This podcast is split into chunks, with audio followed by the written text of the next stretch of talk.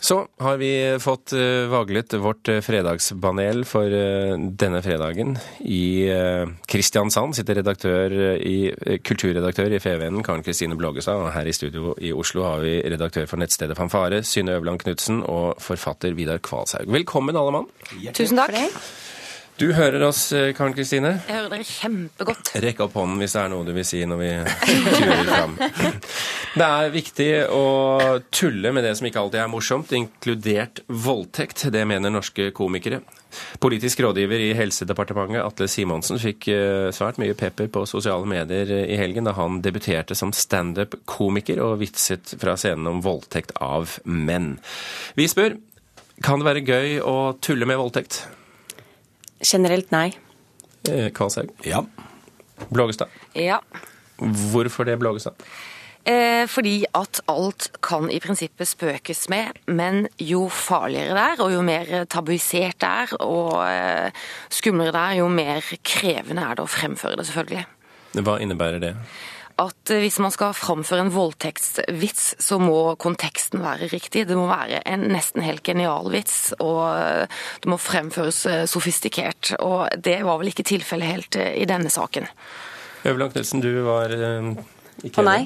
Ja, eh, nei, jeg tenker jo at når man utarbeider prinsipp, så er det jo det som skal gjelde de aller fleste. Og så er det jo litt sånn at hvis det da ikke er lov, så, eh, og noen da drar en sånn vits, og den mot formodning er morsom, så er det jo kanskje nettopp fordi det ikke er helt lov.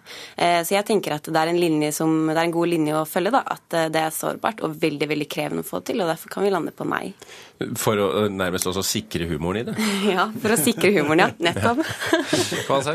Ja, nei, humor handler jo veldig mye om hvem som er avsender av en vits, eh, ofte. Eh, hvis det er uventa, som i dette tilfellet her, så, så kan det jo bli vellykka. Nå ble ikke det så veldig vellykka. Det ble, var en ganske slapp vits. Men eh, det er Simonsens eh, manglende dømmekraft og rolleforståelse som er, eh, som er det problem, mest problematiske i den saken her. Han går jo inn på scenen og sier at 'jeg er en del av det politiske Norge, jeg er en av helsetoppene', og nå skal jeg tillate meg å spøke. Og det, det er så høyt fall det at det, det gikk ikke. Nei, Det er veldig vondt å høre på. og Det hadde jo vært veldig mye gøyere, og som oftest er det jo det, hvis vitser og satire sparker oppover og ikke står og sparker på offeret. Det kunne jo vært eh, morsommere vits hvis den rammet overgriper, f.eks. Mm.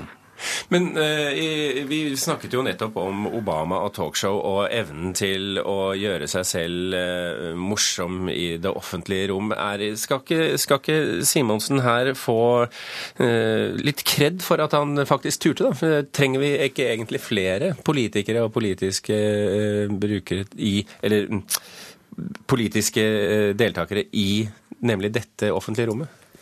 Jeg tror ikke nødvendigvis. Jeg tror ikke det skal være sånn at man oppfordrer til det. Det tror jeg vel også var Ringdal sin eh, Jeg vet ikke hva man vil si der. At det, kan jo være litt for litt, Bli litt for mye også. Av, eh, det er ikke alle som skal være showmen heller.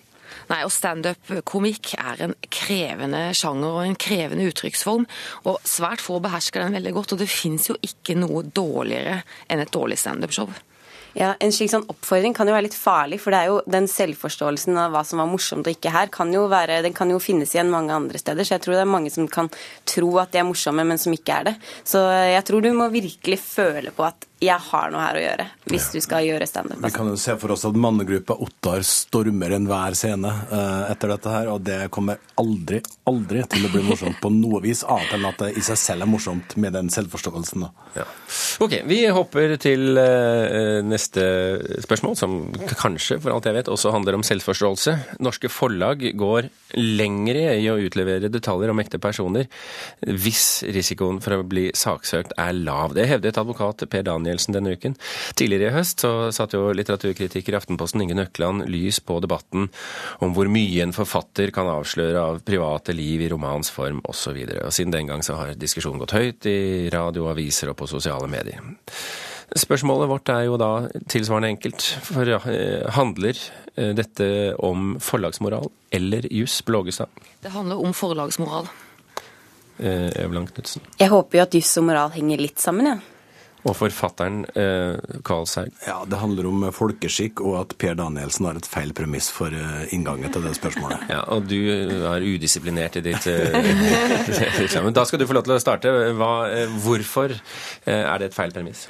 Hvis man skal tjene penger i Norge og, og prøve å, å, dra det meste ut av markedet, så har vi fått bevist gjennom 10-12-15 år nå at det er mykporno og ikke indre følelser, sterkt følte, følte traumer og ting som har blitt med opp gjennom livet, som er, som er det som drar salg. Eh, pluss at eh, det å eh, presse en forfatter men Kan du ikke dra ut noe mer fra den barndommen? Er det ingenting igjen der? Er du nå ferdig som forfatter? Altså, Det er ikke måten det skjer på. Kommer det noe som, som ligner et levd liv, som man kan google seg fram til, så gjør det det av helt andre årsaker enn ønsket om økt salg. Det, eh, var det det svaret du også ville gi, eh, Karen Kristine Blågestad?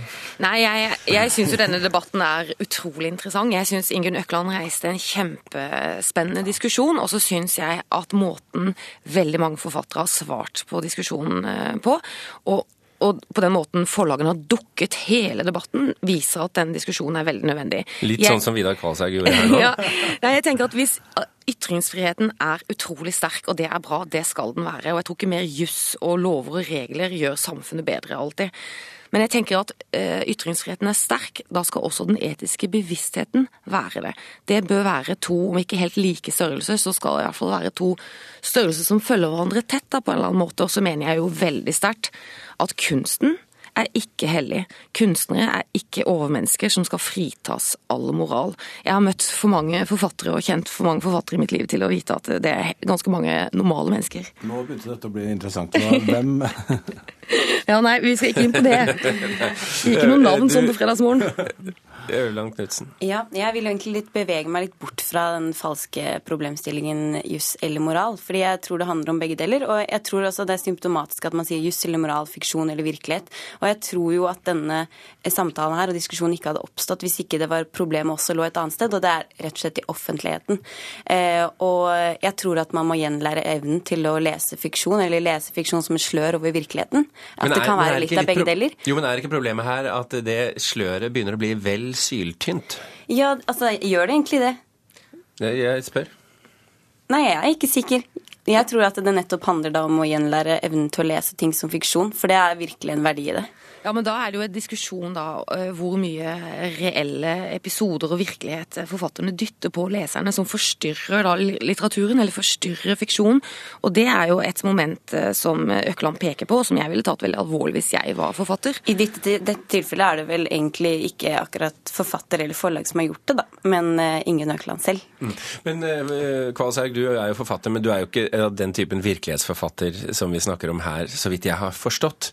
Uh, Kjenner du likevel fristelsen til å tappe inn på virkeligheten på en måte som gjør eh, deg mer interessant, som kunne skaffet flere oppslag?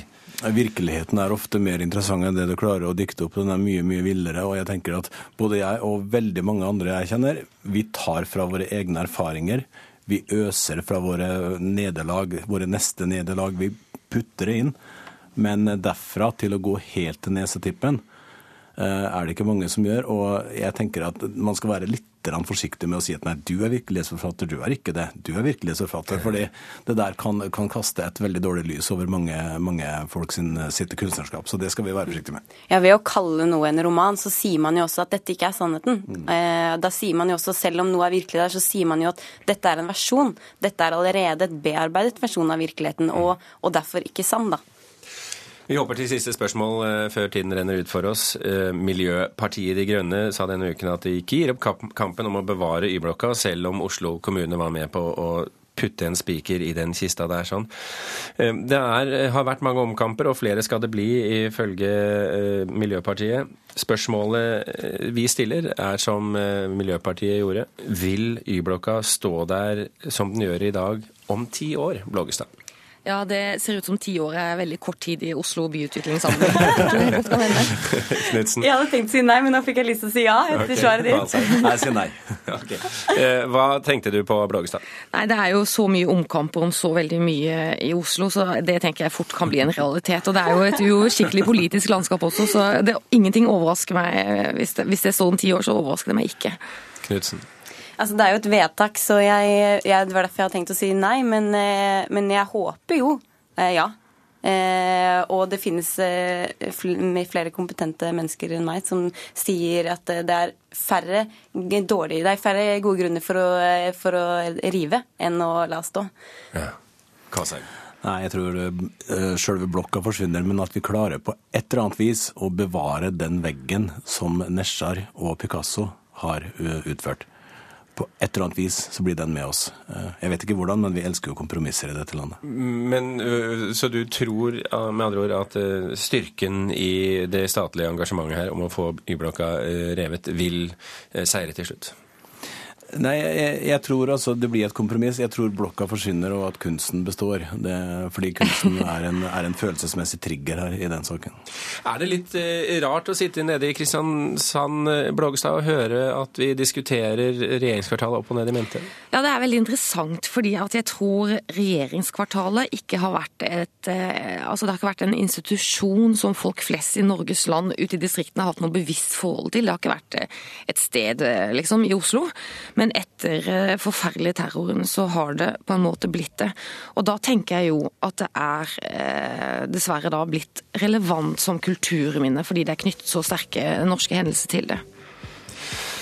Blågestad, du fikk siste ordet i denne dagens eh, fredagspanel. Eh, Takk for at du var med oss fra Kristiansand. Synne Øverland Knutsen, takk for at du var med her i Oslo, også sammen med Vidar Kvalshaug. Vi eh, har ikke mer tid her i sendingen og runder av både Fredagspanelet og Kulturnytt på samme tid. Gjermund Jappé og Birger Kålsrud Aasund takker for følget.